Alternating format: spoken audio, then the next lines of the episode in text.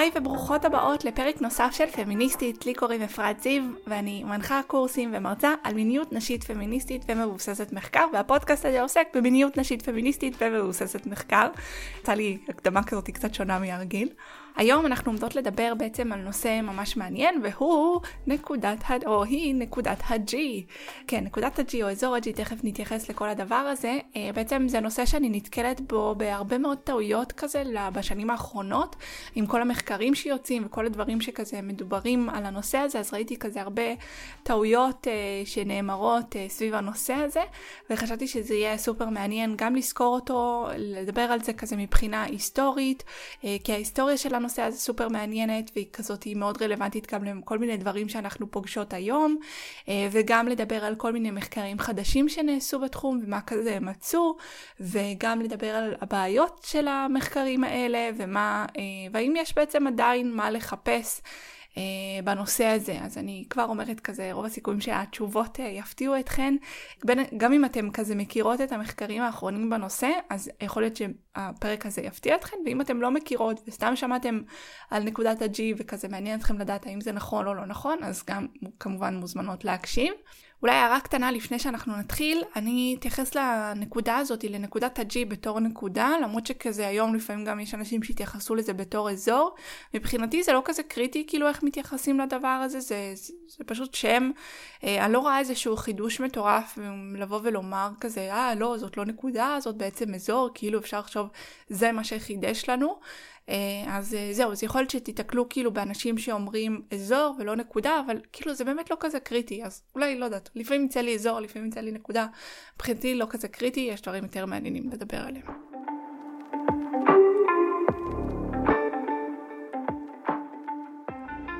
אז בואו נתחיל בעצם מקצת רקע על מה זה בכלל נקודת ה-G וממתי בעצם התחלנו אה, לרדוף אחרי אורגזמה מנקודת ה-G. אז uh, אני חוזרת איתכם ל-1950, כשבעצם רופא בשם ארנסט גרפנברג פרסם איזשהו מאמר בנושא אזור מסוים בנרתיק שרגיש למגע. Uh, הוא דיבר על אזור בחלק הקדמי של הנרתיק, קדמי הכוונה זה לכיוון הבטן, ובעצם המאמר שלו לא עסק יותר מדי באזור הזה, והוא דווקא עסק בעוד כל מיני דברים, זה מאמר אפילו די מצחיק, שווה, טוב, לא יודעת אם מישהו תקרא את המאמר הזה אי פעם, אבל הוא קצת משעשע. אה, אבל באמת הוא דיבר על כל מיני דברים אחרים במאמר הזה, למשל הוא דיבר על התפקיד של אה, צינורית השופחה באורגזמה הנשית, וזה בערך היה הרוב של המאמר. אה, אבל שם בעצם היה האזכור הראשון לאזור או לנקודה. ומאז זה בעצם נשכח למשהו כמו 30 שנה. והסיבה שאני בעצם מזכירה את אותו מר בחור, אה, זה כי בעצם על שמו תכף תיקרא נקודת ה-G.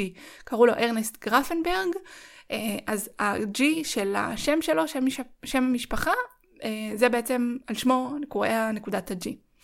אז אנחנו ממשיכות הלאה בהיסטוריה שלנו, ואנחנו מגיעות ל-1981, אה, שאז בעצם יצא מאמר שעסק בשפיכה נשית, ששם הוזכרה הנקודה, ושם היא בעצם קיבלה את הכינוי הזה, נקודת ה-G. לא ניכנס כרגע לנושא הזה של השפיכה, אבל אני ממליצה לכם לצפות בסרטון שיש לי בנושא, שממש נתתי שם את כל המידע הכי עדכני לפחות לנקודת זמן הנוכחית לגבי שפיכה נשית, המקור שלה, כל המחקרים שיש בנוגע לזה. אה, זהו, אז אני ממש ממליצה לצפות בסרטון הזה או לקרוא את הפוסט הזה, אני אתן קישור לפוסט, כי אה, בפוסט אה, מופיע גם הסרטון, אז כזה כל מה שתרצו, כאילו לא משנה מה תרצו לראות, לקרוא, לצפות, אז כזה אתם יכולות. אה, ויהיה לזה קישור בעצם בתיאור של הפודקאסט. בכל מקרה, המאמר הזה היה ב-1981, וב-1982 אה, זאת בעצם הייתה מה שנקרא נקודת האל חזור, סטגדיש, כן? נקודת האל חזור, נקודת ה-G, לא משנה, זה ההומור הדפוק שלי. בכל מקרה, ב-82 יצא ספר שנכתב על ידי אה, שלושה אנשים, שני גברים ואישה, בשם נקודת ה-G. ולספר הזה בעצם מיוחס כל ההייפ שיש עד היום סביב הנקודה הזאת, סביב נקודת ה-G, אזור ה-G, כל הדברים האלה. שבתכלס מה שהספר הזה עשה, אם אנחנו חושבות על זה, הוא בעצם החזיר אותנו בערך 100 שנה אחורה לתקופה של פרויד ולסיווגים השונים של אורגזמות. בעצם פרויד בתחילת המאה ה-20, אה, מה שהוא עשה, הוא בעצם סיווג אורגזמות לפי סוגים שונים, אורגזמה נרתיקית, אורגזמה דגדגנית, ואנחנו הצלחנו להתנער ממנו ומהתפיסות שלו ומהסיווגים האלה בשנות ה-50, 60, 70, אבל אז בעצם ב-1982, אנחנו כזה עשינו וושט, חזרנו אחורה בזמן, וחזרנו בעצם להשתמש במונחים האלה, בסיווגים האלה לאורגזמות, וזה קרה בעצם מתוך אותו ספר שיצא, שאמרתי ב-1982, שנכתב על ידי אותם שלושה אנשים, שני גברים ואישה, כי בספר הזה בעצם הם חזרו והתחילו לדבר שוב במונחים האלה של אורגזמה נרתיקית, אורגזמה דגדגנית, אורגזמה אה, משולבת. אני לא יודעת אם זה תרגום הנכון, אבל כאילו הם דיברו על blended אורגזם. אבל הרעיון הוא כאילו אורגזמה שמשלבת גירוי של הדגדגן וגירוי של נקודת ה-G, אוקיי? אז זה, הם בעצם החזירו אותנו אחורה לסיווג הזה, לקרוא לזה בשם בתור אורגזמה נרתיקית, כאילו מדובר בסוג אחר לגמרי של אורגזמה. הסיבה שאני מדגישה את זה זה כי בעצם אני לא מדברת ככה במונחים האלה. לפי דעתי, uh, כאילו יש מניפסט שלם וסיבות שלמות למה אני לא אוהבת לדבר במונחים שכאילו מסווגים אורגזמות לסוגים שונים. אה, של, של כאילו זה ממש משהו שהוא שונה בצורה מהותית אחת מהשנייה, אני לא מדברת ככה, אני חושבת שזה לא מדויק, אבל לטובת העניין, בגלל שהם בעצם דיברו במונחים האלה, זה למה אני חוזרת על המונחים האלה ככה, אוקיי? אורגזמה נרתיקית, אורגזמה דגדגנית, ולא נגיד איך שאני הייתי אומרת את זה, זה אורגזמה דרך הנרתיק, אורגזמה דרך הדגדגן. אז אה, זהו, אז זה כזה הייתה הערה צדדית. בכל מקרה, אה, מאז שבעצם הם הוציאו את הספר הזה והתחילו לדבר במונחים האלה, אה, זה בעצם הפך להיות קטע, זה הפך להיות ממש הדבר לשאוף אה, אליו. וזה כמובן מסתדר גם עם הנרטיב ששם את המיניות של הגבר במרכז, כי פתאום יש שוב איזושהי דרך שבה הגבר מקבל את הגירוי שנכון לו, והאישה, אם היא רק תמצא את הנקודה, אז היא תוכל לחוות את האורגזמה מחדירה. וכמובן שיש גם טונה של מסחור סביב העניין הזה. פתאום התחילו להמציא אה, כל מיני ויברטורים לנקודת ה-G, קונדומים שכאילו אמורים לספק גירוי לאזור. אה, שמעתי גם על חומר סיכה ייחודי, למרות שלא הבנתי כל כך מה הקטע. אה, ויש גם אה, סדנאות לאיתור וללמידה של אורגזמה מהנקודה, ואפילו יש גם זריקות שעולות יותר מפאקינג אלף דולר, כן, שאמורות להבליט את האזור הזה, ככה שכביכול אנחנו נחווה יותר עונג. ואנחנו אולי עכשיו קצת יוצאות מתקופה מאוד מאוד ארוכה שבה מגזינים וכתבות ואין ספור סדנאות ניסו למכור את האורגזמה הזאת בתור הדבר שצריך אה, לחוות, אבל צריך להבין ש... זה באמת היה תקופה מאוד מאוד ארוכה שבה פמפמו לנו את הסוג הזה של האורגזמה. עכשיו, מי שזה עזר לה למצוא משהו ומי שזה עזר לה לחוות יותר עונג מעולה, יופי, כאילו אין שום דבר רע בזה, אבל uh, אני חושבת שזה הותיר לא מעט נשים, כנראה גם את הרבה נשים, כאילו הייתי אומרת את רוב הנשים, במצב שהן כאילו הן לא מוצאות שום דבר מיוחד, ו, ולכן הן אה, נשארות, נותרות עם איזושהי תחושה שהן אה, פגומות, וזה בעצם החלק הכי עצוב בסיפור הזה מבחינתי. עוד אנקדוטה מצחיקה שרציתי להכניס אה, איפשהו בפרק הזה, וכזה לא ידעתי איפה, אבל כאילו אני חושב, נראה לי אני אכניס אותה פשוט עכשיו, זה שמצאתי איזושהי כתבה ממש אה, יפה, כאילו גם מעוצבת מאוד יפה, אני אשים לה קישור אה, בפרטים של הפודקאסט או איפשהו, כתבה של המגזין קוסמופוליטן, אה, שמדבר על נקודת ה-G, הוא מדבר בעצם על המחקרים, תכף נדבר על המחקרים, והוא מדבר על זה שכאילו אין דבר כזה בעצם, והיום הן יודעות שאין דבר כזה, ולכן הן ממש מתנצלות שבמשך אין ספור שנים, הם כאילו היו כל כך הרבה כתבות אה, שגרמו לנשים ללכת ולחפש ולחפש שוב ושוב וכזה דבר, וכאילו הן ממש מתנצלות והן כזה מעכשיו לא ידברו יותר על הנושא הזה, או לא יעלו את הנקודה הזאת יותר, את הנקודה, תגידי, סתם לא, את הנקודה הזאת שוב, אה, וזהו, זאת כתבה ממש יפה, היא גם מעוצבת בצורה אינטראקטיבית שכזאת, היא ממש ממש יפה, אני אשים לה איזשהו קישור. נראה לי אם תחפשו גם בגוגל G-Spot Not Real אתם תגיעו אליה, אני רואה פה שזה כזה כתוב ב-URL, אבל בכל מקרה אני אשים לה איזשהו קישור. אז זאת בעצם הייתה קצת היסטוריה לגבי נקודת ה-G. אני רוצה שעכשיו נדבר על מה בתכלס ידוע מחקרית, וגם ניתן איזושהי ביקורת לדבר הזה.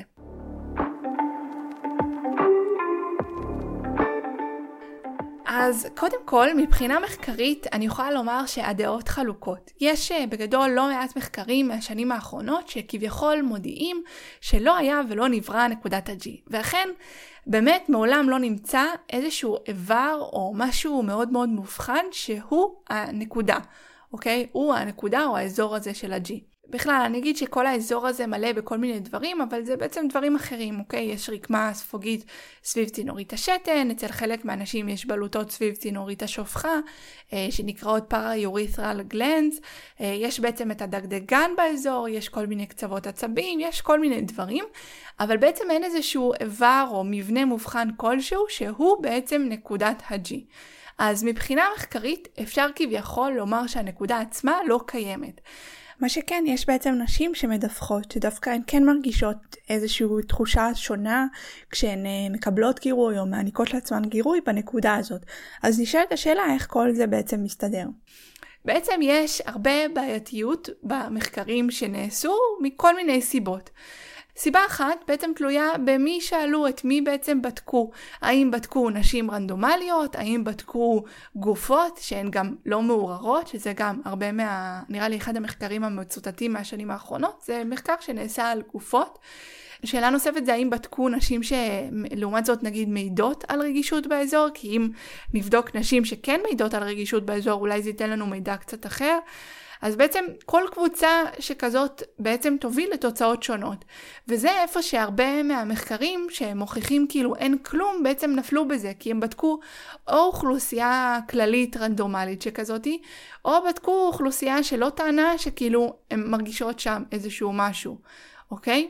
אז בכללי, במחקר של אוכלוסייה אה, כללית שכזאתי, אם אנחנו באות ומחפשות ממוצע, הממוצע לא בהכרח, uh, הוא, הוא כאילו יכול להטעות. סתם לדוגמה, אני אקח מספרים, אני אקח ממוצע של uh, 1 ו-9. Uh, הממוצע שלהם זה 5, נכון? כאילו, אני מקווה שאני לא טועה, 1 ועוד 9 זה 10, ואז אני כאילו מחלקת ב-2, אז נגיד הממוצע זה 5.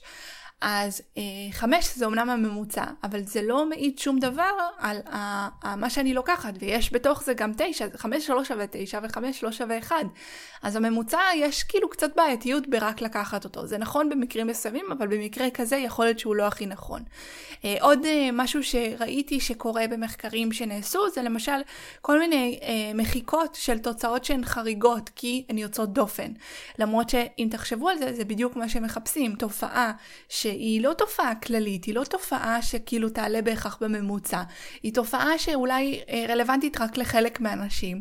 אז אה, דווקא תוצאה שהיא כביכול חריגה, כאילו במרכאות, היא יכולה להיות תוצאה שכאילו אנחנו לא נרצה למחוק או לשלול או להגיד שהיא כזה Outlier, אני לא יודעת איך לומר את זה בעברית, אבל כאילו, אה, למשל אם אני, סתם נגיד, אני אגיד לכם, אני אמדוד טמפרטורה ו, אה, וכל, ונגיד עכשיו אה, חורף, אז אצלי מולי 7 מעלות, אז אם פתאום יום אחד המדידה שלי תראה על 40 מעלות וזה אמצע החורף, יכול להיות שאני אמחק את התוצאה הזאת ואני אגיד כנראה משהו השתבש ב, ביום הזה.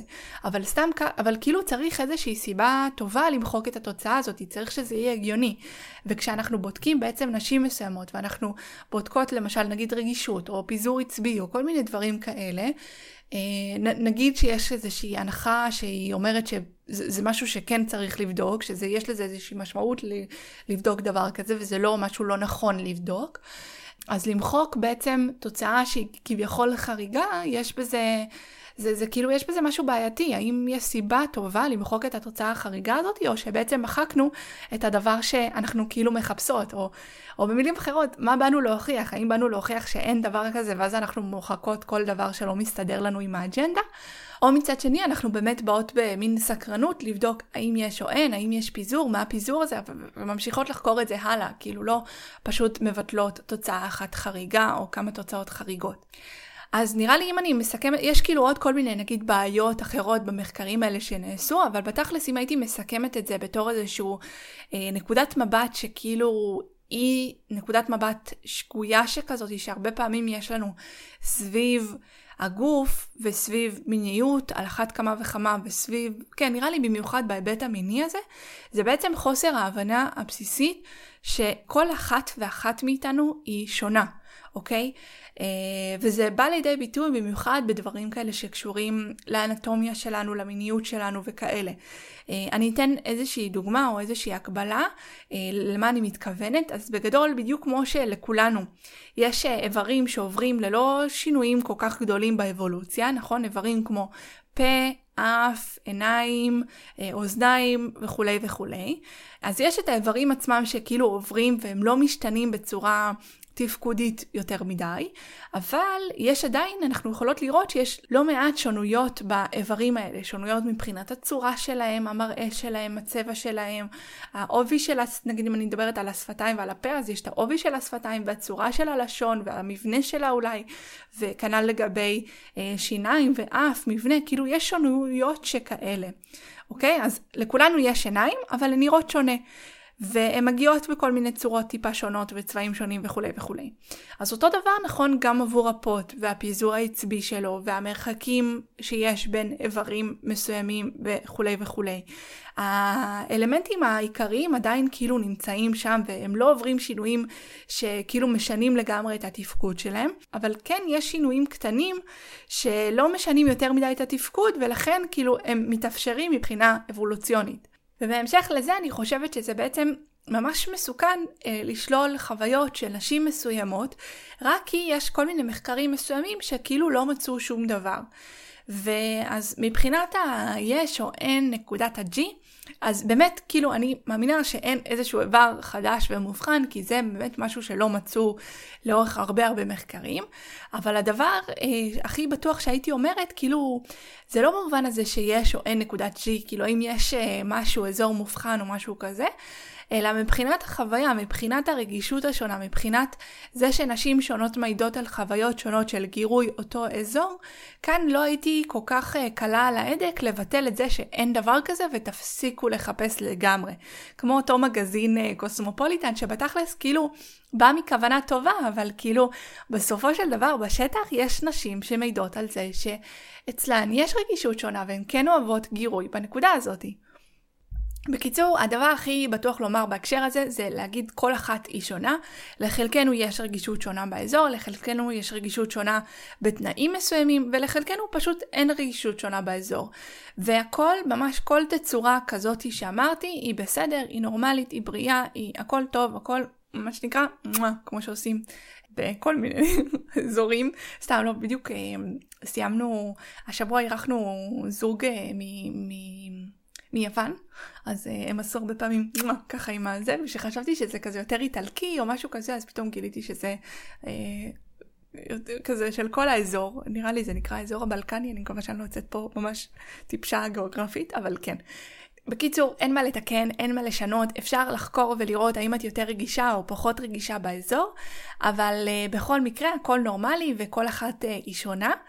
וזה נראה לי המסר הכי חשוב uh, להדגיש בדבר הזה, ונראה לי עוד דבר, זה באמת, אם לא מצאת איזשהו אזור סופר רגיש, אז גם אל תרגישי תפוקה. Uh, זה היה המסר כאילו שהיה נוכח כל כך הרבה שנים, שאם לא מצאת משהו בך לא בסדר ואת צריכה להמשיך לחפש, וכאילו תתקני את עצמך ותעשי ניתוחים ותעשי זה ותנסי את הצעצוע ההוא ואת התנוחה ההיא וכל הדברים האלה, אז כאילו לא, לא בא לי גם שנצא עם התחושה הזאתי כמובן. כן, זה, זה כאילו גם עוד סיבה למה אני מדברת על הנושא הזה, זה בקורס שלי שנקרא פמיניסטית. Uh, יש לי קורס כאילו שאנחנו מדברות שם על כל מיני היבטים שקשורים למיניות הנשית, אז במפגש הראשון כשאנחנו מדברות על מיתוסים, אני הרבה פעמים מזכירה את הנושא הזה של uh, נקודת ה-G, ושוב אני כזה אומרת תמיד, זה לא במובן הזה שהאם זה קורה או לא קורה, אלא במובן הסיפורי שיש סביב הדבר הזה. אז uh, כן חשוב לי כאילו להדגיש שאם את לא חווה איזשהו עניין מהגירוי של האזור הזה, את לא מפספסת שום דבר. כי המסר, הסיפור, המיתוס שהיה במשך המון המון שנים, זה שאם את לא חווה, את בהכרח מפספסת, אז קיצור, זה לא נכון גם בכיוון הזה. ואם אני אסכם אפילו עוד יותר בזום אאוט את הנקודה הזאת עם הנקודת המבט שלי גם, אני אומר שכזה מעבר למה שכזה מוכח יותר אה, טוב או פחות טוב מבחינה כזאת מחקרית, כן בא לי כאילו לציין שבעיניי המרדפים אחרי אורגזמות כאלה ואחרות וכמובן הסיווגים השונים שלהם, הסיווגים הכוונה במונחים האלה, דגדגנית, נרתיקית, כל הדברים האלה, זה דבר שאני אישית ממש לא סובלת. מבחינתי אתמול גם כזה, זה היה נקודת ה-G, היום זה כאילו המרדף אחרי השפיכה הנשית, מחר זה על אורגזמה אנרגטית, כאילו כל מיני סוגים, כל מיני דברים כאלה, מרדפים כאלה ואחרים. אני חושבת, וגם, לא רק אני חושבת זה, נגיד, אני חושבת גם בחוויה שלי, אבל גם מבחינה אה, מחקרית, אבל כאילו אולי לא כמו ששאלתי בפרק הזה כל מיני מחקרים, אבל כאילו מבחינה שאיך אה, מחקרים קצת יותר טובים. הגישה שלי זה שאלה לא הדברים שבעצם הופכים סקס לסקס מופלא, זה לא הדברים שהופכים סקס לסקס ממש ממש טוב, זה אולי הופך את זה לכאילו להיות קצת יותר מספק לחלק מהאנשים, שוב, לא לכולן, אבל זה לא, זה לא הדבר. אבל אה, שוב, אם לכן יש ניסיון אחר, אתן מוזמנות לחלוק, אחר, לחלוק עליי, הכל טוב, כי שוב, כל אחת היא שונה. אני פשוט באמת חושבת שזה... זה לא הדבר הכי הכי חשוב, גם הנקודת ה-G, גם שפיכה נשית, גם מחר זה יהיה אורגזמה אנרגטית, כל האופנות האלה מבחינתי פחות מדברות אליי.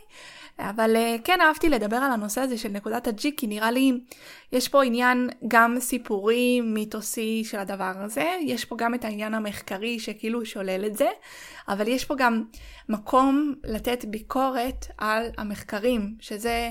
אמ, לא שיח שהוא כזה נפוץ, לפעמים כאילו, יש שיח אה, רדוד של ביקורת על מחקרים, ואין הרבה פעמים שיח שהוא יותר מעמיק, הייתי אומרת, על ביקורת סביב מחקרים.